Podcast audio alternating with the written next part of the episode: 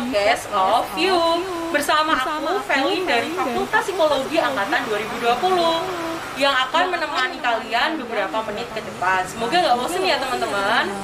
Nah, untuk episode kali ini kita akan kedatangan narasumber yang luar biasa kecenya.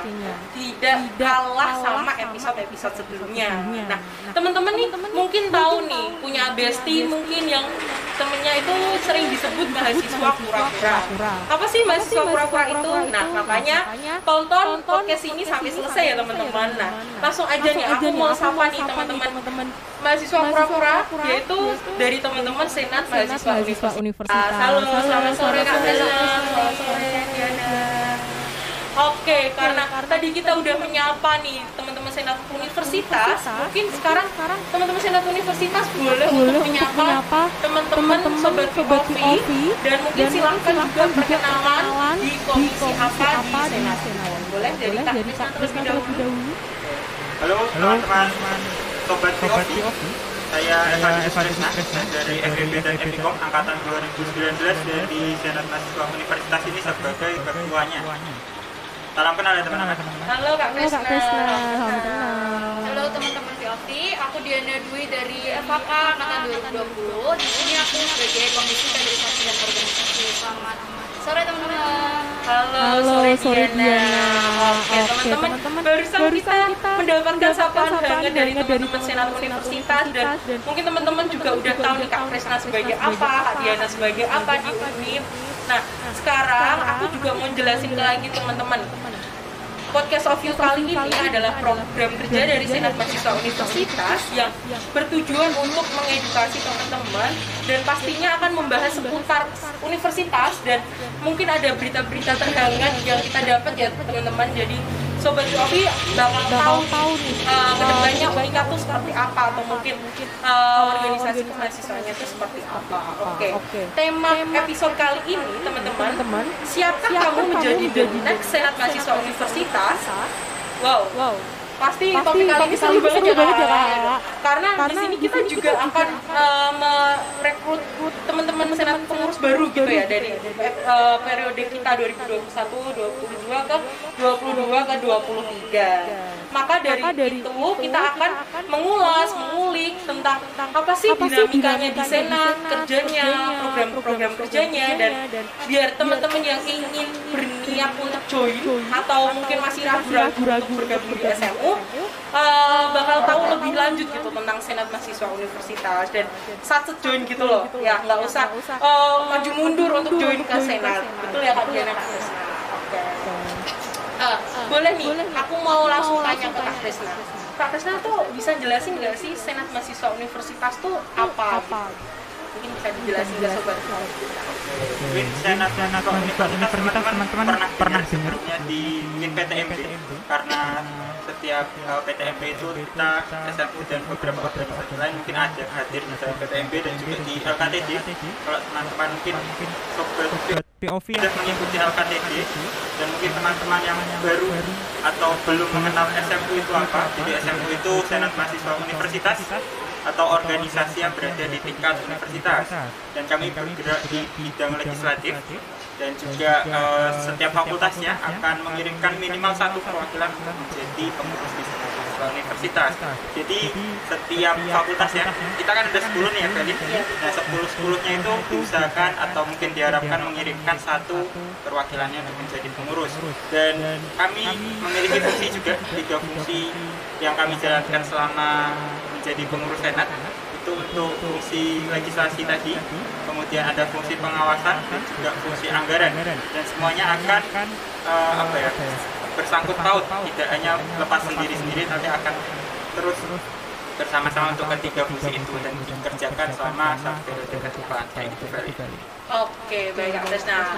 Jadi tadi Kak Krisna kan udah bilang ya Sobat Kopi, kalau di Senat sendiri itu kita punya fungsi dan tugas. Tadi yang menarik dari Senat tuh kita punya tiga fungsi ya Kak Krisna, yaitu pengawasan, legislasi, dan uh, anggaran kayak gitu teman-teman. Jadi teman-teman yang masih mungkin kepo dan uh, akan bahas lebih lanjut di episode kali ini ya teman-teman. jadi uh, senat itu bukan cuma untuk kerja kerja kerja doang tapi kita punya tugas dan fungsi masing-masing. Dan mungkin nanti di komisi selanjutnya kita juga bisa jelasin nih ya apa tugas dan program-programnya seperti itu. Nah tadi kan uh, Kak Prisna juga nih sekarang jadi ketua. Mungkin bisa ceritain sih pengalaman perjalanannya kok bisa sampai ingin mendaftar ke, ke ketua senat kayak gitu bisa diceritakan pengalamannya sampai saat ini kok bisa jadi ketua senat biar teman-teman sobat Oke, cerita sedikit. Uh, dulu saya mahasiswa kupu-kupu juga kayaknya jadi kuliah langsung pulang. tapi setelah itu mungkin penasaran dengan kegiatan organisasi yang ada di Unika.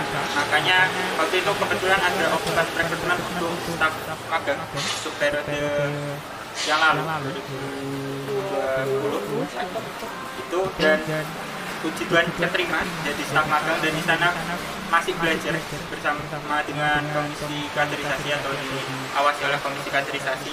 Dan di sana belajar banyak mulai dari komisi uh, yang ada sampai fungsinya tugasnya seperti apa dan melakukan hal apa dan prokernya apa aja. Jadi di sana saya belajar terlebih dahulu untuk apa ya senat itu apa? atau punya gambaran tentang senat itu apa? dan mungkin kalau ditanya kenapa mau daftar ketua dan mungkin jawabannya adalah uh, karena saya ingin apa ya memberanikan diri aja mencoba sesuatu hal yang baru. jadi dari apa yang sudah saya pelajari dan saya mungkin bisa terapkan jadi ketua ini kayak gitu sih kurang Oke, berarti tadi Kak Krisna kan uh, menceritakan nih, jadi sebelum jadi ketua senat, Kak Krisna itu menjadi staf magang gitu periode sebelumnya. Mungkin apa sih ada hal yang dirasakan dari Kak Krisna perubahan yang signifikan mungkin dari staf magang di jadi ketua gitu? Mungkin bisa uh, diceritakan juga gitu. Oke, mungkin kalau perubahan signifikannya apa? Itu mungkin lebih ke apa ya teman-teman kalau di kaderisasi atau luar kaderisasi itu masih belajar masih dibimbing. Dalam tanda kutip seperti anak kecil yang apa namanya disuapin sama orang tuanya yang masih mungkin ajarin jalan dan lain sebagainya masih diajari dan di ketua ini mungkin saatnya untuk menerapkan dan saatnya untuk melakukan apa yang sudah dipelajari waktu di staf magang. Itu aja sih mungkin paling dan mungkin lebih ke tambahan beban maksudnya beban pekerjaan untuk uh, jadi ketua dan tentunya belajar di staf magang itu kan sedikit berbeda. Bahkan mungkin banyak. Oke, berarti perubahan yang signifikan itu bebannya ya? Mungkin dari yang dari staf magang yang mungkin kita masih dituntun, diarahkan, jadi sekarang Kak Tesnya yang malah menuntun teman-teman senat yang ini dan juga mengarahkan teman-teman. Jadi bebannya cukup berat gitu ya di uh, ketua senat ini. Oke, terima kasih kak atas pengalamannya tadi. Cukup menarik nih teman-teman. Mungkin teman-teman juga berminat untuk mendaftar ketua senat. Nah, boleh banget nanti kita kontak Kak langsung sambil cerita-cerita itu. Mungkin jangan jalur-jalur ya teman-teman. Tapi uh, mungkin teman-teman bisa menerapkan uh, tugasnya dan uh, tanggung jawabnya sebagai ketua senat gitu. Oke, okay. mungkin uh, aku mau tanya juga nih Pak ke Kak Diana karena kita topiknya rekrutmen SMU sendiri. Nah, apakah uh, ada skill khusus uh, yang harus kita milikin di senat untuk uh, menjalankan komisi-komisi kita? Mungkin nanti Kak Krisna juga boleh nambahin.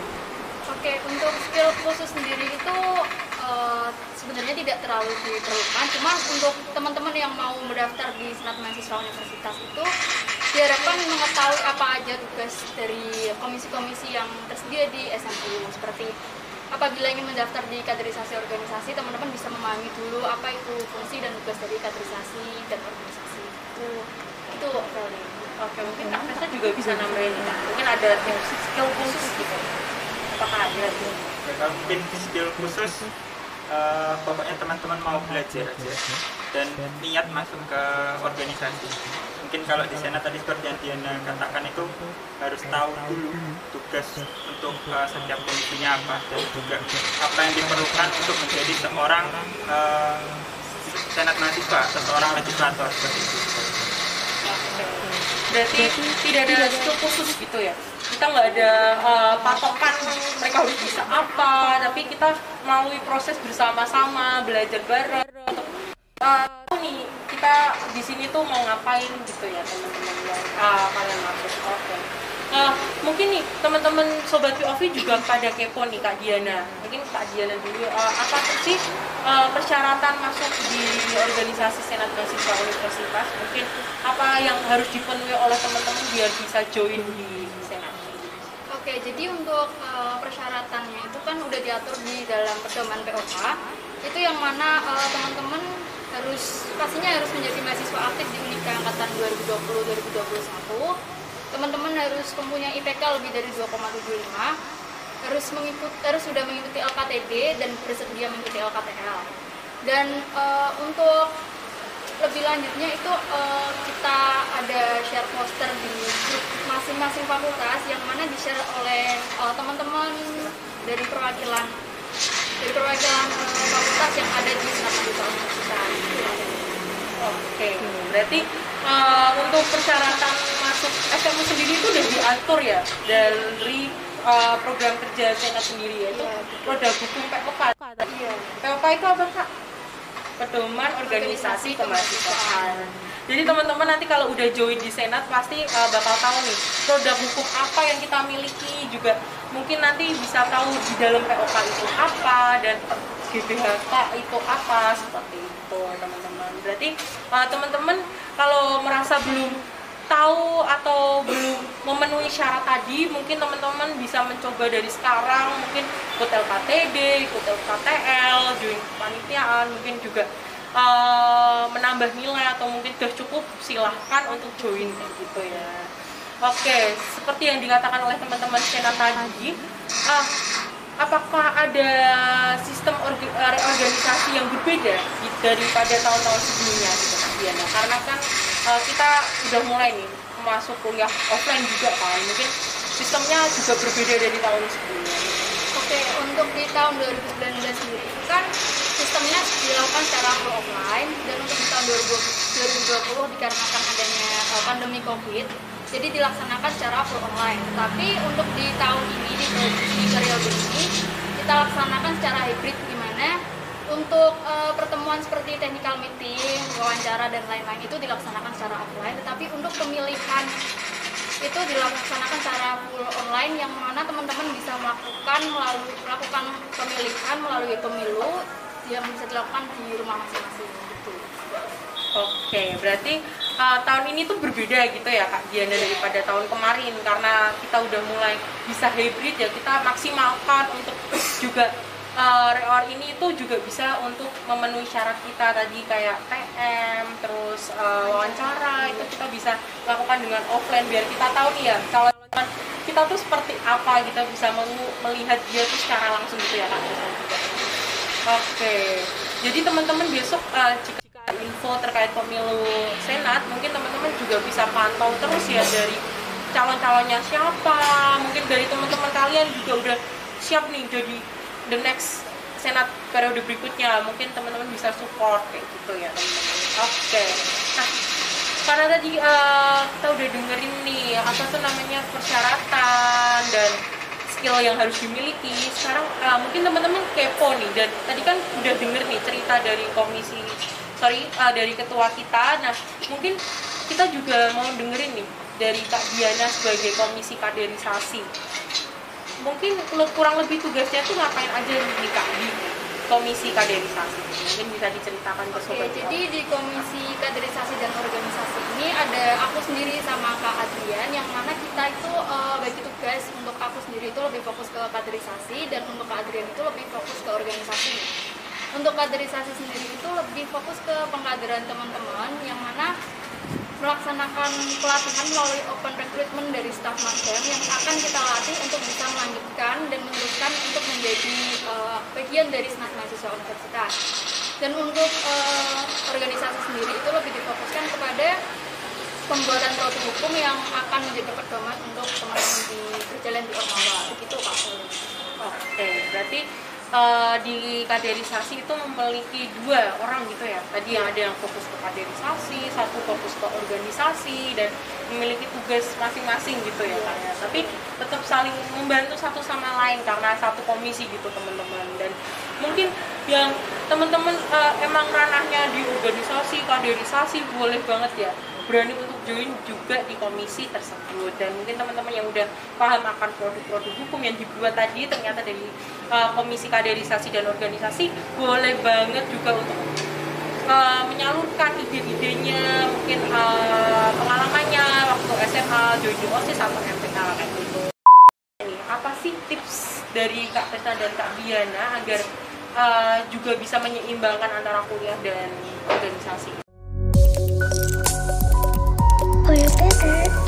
you.